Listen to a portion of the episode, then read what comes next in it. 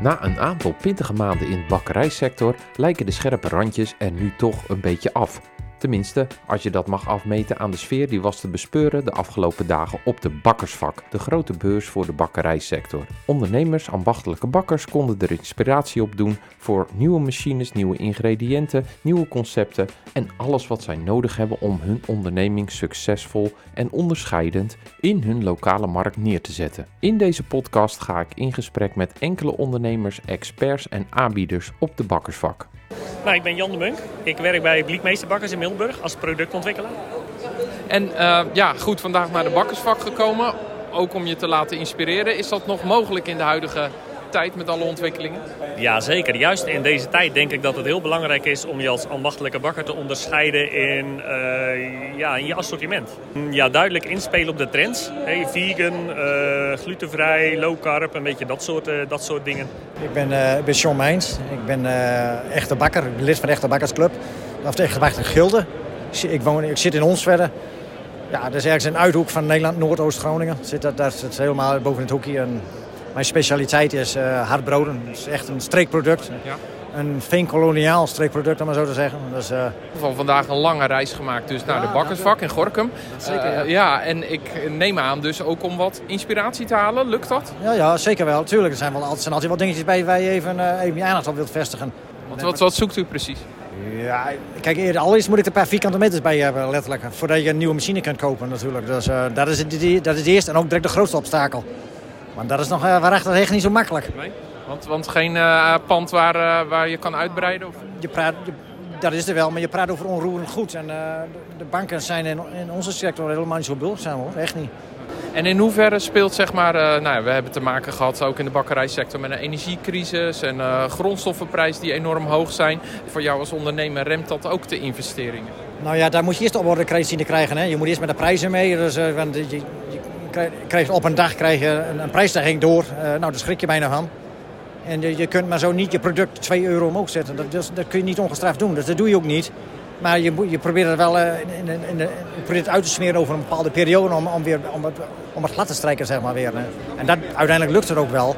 Maar je moet echt wel bij de les blijven. Zeker. Arend Kisteman, voorzitter van de MBOV. Wat is de teneur in de sector? En dan zijn we hier op zo'n bakkersvak waar natuurlijk een hoop inspiratie gehaald moet worden. Het, het moet hier draaien om innovatie. Hoe gaat het? Ja, nee, het, het, is heel divers. En ik denk dat je dat ook wel een beetje, uh, als je zelf wat mensen vraagt, wel een beetje terugziet. Uh, de ene bakker komt voor inspiratie, gaat hartstikke goed, wil zich verder onderscheiden. En de andere bakker die denkt, ja, ik heb steeds minder mensen. Hoe kan ik toch mijn assortiment blijven maken? Uh, en mijn klant blijven verrassen, zeg maar, maar toch met minder mensen. Je ziet wel best wel veel uh, leveranciers met halffabrikaten bijvoorbeeld staan uh, dit jaar. Die spelen daar dus wel een beetje op in, zeg maar. Maar ook ehm, de diversiteit in ondernemers. De ene die is bezig van, hey, hoe ga ik mijn bedrijf overdragen? Sommigen hebben het zelfs over stoppen. Terwijl je ook weer een hele groep zij-instromers ziet die dan denken van... Hey, ik ga het anders doen. Ik kom met ICT, ik wil een bakkerij beginnen of ik ben hem net begonnen. Ik ga mijn twee dagen in de week open en ik bak wat ik kan bakken en dat verkoop ik. Uh, en dan vind ik het mooi geweest, zeg maar. Dus het is heel divers. Uh, wat ook onze branche typeert natuurlijk. Maar het is wel uh, leuk om te zien dat er wel voor iedereen wat te zoeken is en te vinden is. Ja. Dus er zijn nog wel echt genoeg po positief ingestelde bakkers die er gewoon vol voor gaan en hier gewoon heel veel leuke dingen weghalen op de bakkersvak. Ja, ja nou, ik denk ook dat heel veel bakkers uiteindelijk altijd voor inspiratie hier naartoe komen en wel met enthousiasme zijn. Ik denk ook op voor, voor dus dat de, de energieprijzen liggen wel hoog, maar niet zo hoog als dat we vorig jaar over hadden. Uh, de grondstofprijzen liggen ook iets minder hoog dan vorig jaar, ook nog wel hoger. Dus de tendens in de branche is wel iets beter dan, dan nou ja, zeg oktober, uh, november vorig jaar. Het staat al iets beter voor. De scherpe randjes zijn eraf, mogen we dat concluderen? Ja, en ik denk dat degenen die het echt heel zwaar hadden of al wouden stoppen volgend jaar, dit jaar, die hebben het allemaal voorgetrokken. Hè. Er zijn voor 30, 35 bakkerijen natuurlijk gestopt of omgevallen. Uh, hier zie je toch al veel ondernemers die toch gaan kijken van nou ja, hoe kan ik nu in al deze situatie waar we nu zitten toch weer kansen zien en het toch volhouden. Uh, hoe ga ik dit jaar uh, uitzingen? Dus, dus, iedereen is wel gematigd positief tot positief, zeg maar. Nou, gelukkig goed om te horen. Je hebt zelf al rondgelopen over de bakkersvak. Wat, heb je een heel leuke innovatie gezien of iets waar je heel enthousiast van werd dat je dacht van, nou, dit zou eigenlijk iedere bakkerij moeten implementeren? ja, ik heb nergens aandelen in, dus dat scheelt natuurlijk. Maar, um... Dus volledig onafhankelijk. ja, precies. Sowieso lid worden van de MBOV natuurlijk, als je het toch niet bent. Maar uh, ja, je, zit, je ziet veel met vegan. Uh, en ik denk dat dat toch wel een, toekomst uh, is voor, onze branche, zeg maar. Daar kun je makkelijk op inspelen. Uh, in mijn bedrijf doe ik al wel vrij veel. Maar ik denk toch dat we daar een beetje naartoe moeten. Het onderscheid ten opzichte van de supermarkt. Makkelijker kunnen schakelen, sneller kunnen schakelen. Ik denk dat dat wel, wel veel belangrijk is. ik ben Wiljan van der Linden. Ik ben werkzaam bij Bakos uit Zeewolde. We zijn een bakkerij grondstofleverancier sinds 1904. En ik doe daar de product- en promotie. Maar uh, nu sta ik hier bij jullie in de stand en uh, er staat er heel groot vegan. En uh, nou ja, daar hebben we al best wel veel over geschreven. Vegan producten in de bakkerijsector. Wordt dat nou echt wat? dat gaat zeker wat, wat worden, althans dat is al wat. ga maar kijken bij, bij de retail. Maar wij maken het nu ook toegankelijker voor de ambachtelijke bakkerij. Ja, want in die ambachtelijke bakkerij gebeurt nog wel, als je het verhoudingsgewijs vergelijkt met de supermarkten, nog veel minder aan vegan? Ja, dat, dat klopt. Uh, want het is best lastig om een klein soortje erbij te maken. En wat wij gedaan hebben, en wat je dus ook hier ziet, is uh, dat we een, uh, een, mix hebben ontwikkeld voor een heerlijke bavaroise te maken. Maar dan helemaal op plantaardige basis. Dus daar zit geen room in. Ik zie hier een onwijze taart staan op de tafel. Is dat er zo een? Dat, dat is er onder andere zo een. Daar zit uh, een uh, kapselmix in verwerkt die ook helemaal uh, vegan is. Ook dat is weer heel gemakkelijk te maken door een bakker. Maar er zitten dus geen, geen eieren in. Dus wij hebben weer de techniek om daar de eieren te vervangen. Maar smaakt hij dan net zo lekker? dan smaakt hij net zo lekker, ja. Ja, ja dat kunnen we doen. Maar ik moet wel zeggen, je zal met, met vegan onze kreet is nu echt lekker. Uh, en dat komt dat we er altijd wel een, een foefje samen met de bakker aan moeten doen om het echt lekker te maken. Als we nu een uh, cake bakken van alleen een uh, vegan, nou, dan zou je zeggen die is wat stug, die is wat brokkelig, is niet lekker. Maar maak je die wat lager en doe je daar weer een vruchtenvulling overheen, dan ga je hem ook echt lekker maken. Lopen de ambachtelijke bakkers er nou echt warm voor? We zijn hier op de bakkersvak vandaag. het zal ehm, de, de we hebben, wel, we hebben wel veel aanvragen. Je ziet wel dat bakkers erover na gaan denken, worden enthousiast. En wat wij eh, fijn vinden is dat bakkers toch wel de vraag al herkennen. Want je ziet vaak dat klanten daar al op reageren. Iedere bakkerij heeft, uh, heeft social media. En je ziet dat er heel makkelijk op social media op een reactie gepost wordt van... is het ook vegan? Is het ook vegan? Dus bakkers komen ook naar ons toe van heb je iets voor ons?